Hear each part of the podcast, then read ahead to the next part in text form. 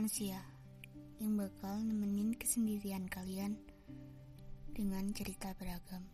Kita jalan berdua Franzon, gimana reaksi lo ketika lo dengar kata itu? Ketika lo baca kata itu, ini yang salah apa sih? Rasa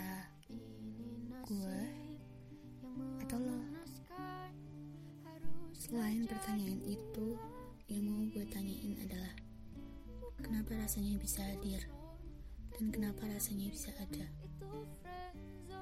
Mungkin gak sih perasaan itu muncul karena kenyamanan. Entah gimana mulanya, tapi sikap kita merubah rasa. Bayangin deh, kalau gue ngomong ke lo, kita bakal gimana? Mungkin aja kita gak bakal ada lagi. Mungkin aja lo bakal ngejauh.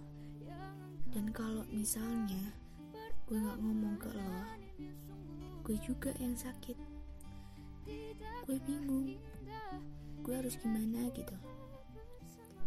Perlu banget ya kita urungin sebuah niat untuk suatu hal yang gak bersahabat.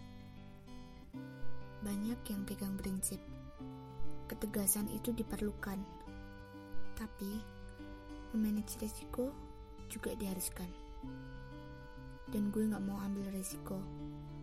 Lo pergi, cuman gara-gara rasa yang muncul tanpa ada tanggung jawab.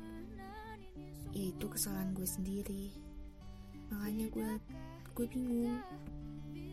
Ya udahlah, nggak perlu senang, yang penting tenang. Gini juga gue udah senang. Dan semoga lo juga senang dan bahagia.